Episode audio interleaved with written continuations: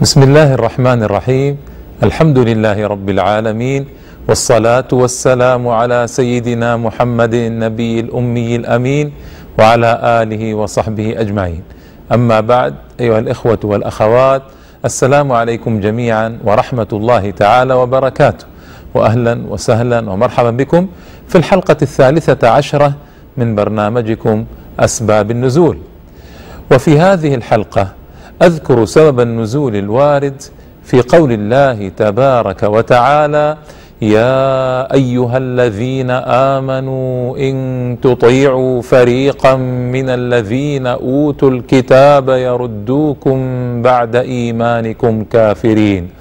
وكيف تكفرون وأنتم تتلى عليكم آيات الله وفيكم رسوله؟ ومن يعتصم بالله فقد هدي إلى صراط مستقيم. يا ايها الذين امنوا اتقوا الله حق تقاته ولا تموتن إلا وأنتم مسلمون واعتصموا بحبل الله جميعا ولا تفرقوا واذكروا نعمة الله عليكم إذ كنتم أعداء فألف بين قلوبكم فأصبحتم بنعمته إخوانا. إلى آخر الآيات الكريمات. و في سبب نزول هذه الآيات الجليلات الكريمات أن أحد اليهود شاس بن قيس عدو الله مر على نفر من الأنصار من الأوس والخزرج وهم يتحدثون متآلفين متآخين متحابين فغاظه ذلك. وتمنى أن يعودوا إلى عداوتهم الأولى التي كانوا عليها في الجاهلية. فأمر أحد الشباب من اليهود الذين كانوا معه أن يجلس إليهم وأن يذكر لهم يوم بعاث وما جرى فيه وأن يقرأ عليهم الأشعار التي قيلت فيه. ويوم بعاث هو يوم كان بين الأوس والخزرج في الجاهلية وكانت الغلبة للأوس على الخزرج. ففعل ذلك الشاب ما أمره به شاس بن قيس وغضب الأوس والخزرج لما سمعوا ما جرى في بعاث. فتقاول الفريقان وتحدى بعضهما بعضا وقال أحدهما للآخر إن شئتم أعدناها جذعة. الله أكبر. هذه هي العصبية المقيتة وهذا هو التحريش الذي حصل وهذا نتيجته. إن شئتم أعدناها جذعة يعني أرجعنا الحرب كما كانت شابة فتية. فقالوا جميعا قد فعلنا قد فعلنا السلاح السلاح موعدكم الظاهرة. والظاهرة هي حرة المدينة. هذه مصيبة عظيمة. أن يتقاتل الأوس والخزرج الأنصار رضي الله تعالى عنهم. فاتعد القوم في الحرة وفعلا توجهوا إليها بأسلحتهم واستعدوا لقتال فسمع النبي صلى الله تعالى عليه وسلم بما جرى من القوم وما قالوا فأسرع بأبي هو وأمي صلى الله عليه وسلم إلى الحرة ووراءه رجال من المهاجرين يجرون خلفه. فلما رأى ما حصل بالأوس والخزرج من العداوة. قال لهم صلى الله تعالى عليه وسلم الله الله يا معشر الأنصار أبدعوى الجاهلية وأنا بين أظهركم. الله أكبر. انظروا كيف يعالج النبي صلى الله تعالى عليه وسلم هذه المشكلة العويصة هذه المشكلة الخطيرة. لو تقاتل الحيان من الأوس والخزرج ماذا كان يمكن أن يحدث؟ آه الله الله يا معشر الأنصار ابدعوى الجاهلية وأنا بين أظهركم فما زال النبي صلى الله تعالى عليه وسلم يعظهم ويذكرهم بالله حتى علم القوم أنها مكيدة من عدو الله اليهودي فألقوا السلاح وعانق الرجال بعضهم بعضا وبكوا ورجعوا مع رسول الله صلى الله تعالى عليه وسلم إلى المدينة كما كانوا عليه من الألفة والمؤاخاه والمحبة رضي الله تعالى عنهم.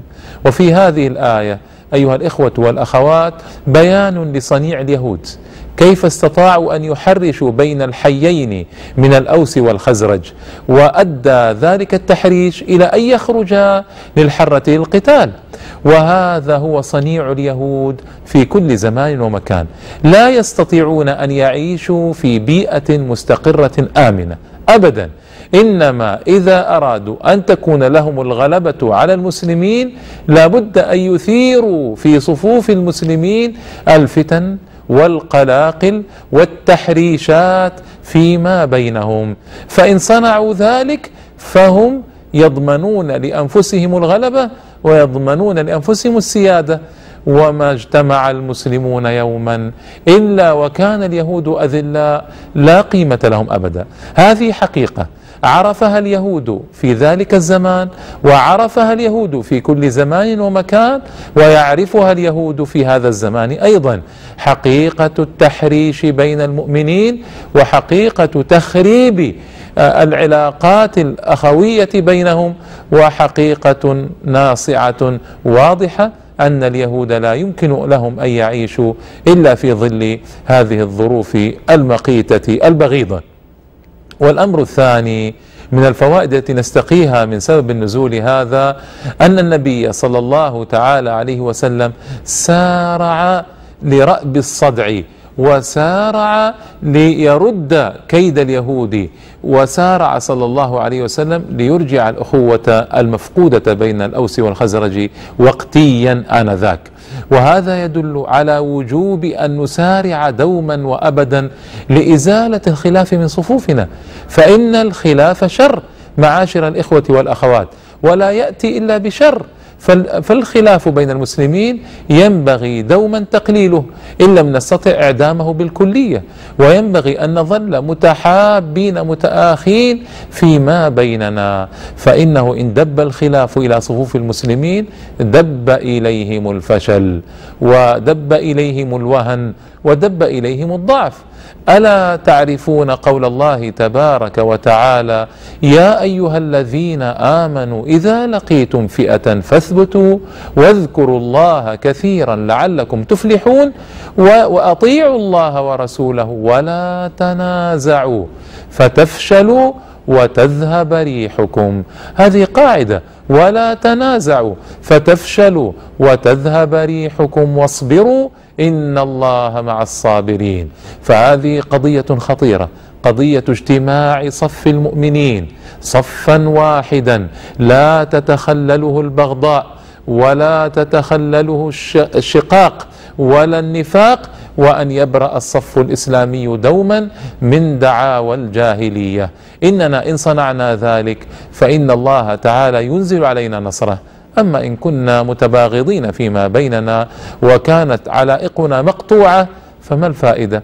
اذا ينبغي علينا دوما أن نصلح فيما أن نصلح ذات بيننا في أسرنا وعوائلنا وفي أحيائنا ومجتمعاتنا الصغيرة ومجتمعاتنا الكبيرة.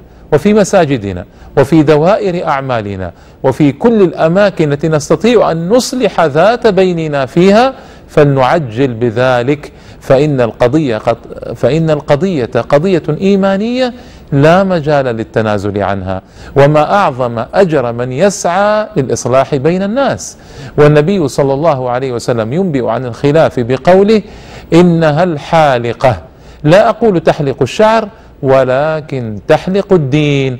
وكم جاء في الآثار من فضل عظيم لمن يصلح بين الناس ولمن يتفرغ للإصلاح بين الناس فدل ذلك على عظم هذا الأمر وأهميته في ديننا الأهمية القصوى. نسأل الله تعالى بأسمائه الحسنى وصفاته العليا أن يديم علينا الأخوة والمحبة والتآلف والاجتماع وأن يبعد عنا وأن يبعد عنا أسباب التفرق. وأسباب التشتت وأن يحمينا من مؤامرات الكافرين. إنه ولي ذلك والقادر عليه. وإلى اللقاء في حلقة أخرى إن شاء الله تعالى من أسباب النزول. وصل اللهم وسلم وبارك على نبينا محمد وآله وصحبه أجمعين. والسلام عليكم ورحمة الله تعالى وبركاته.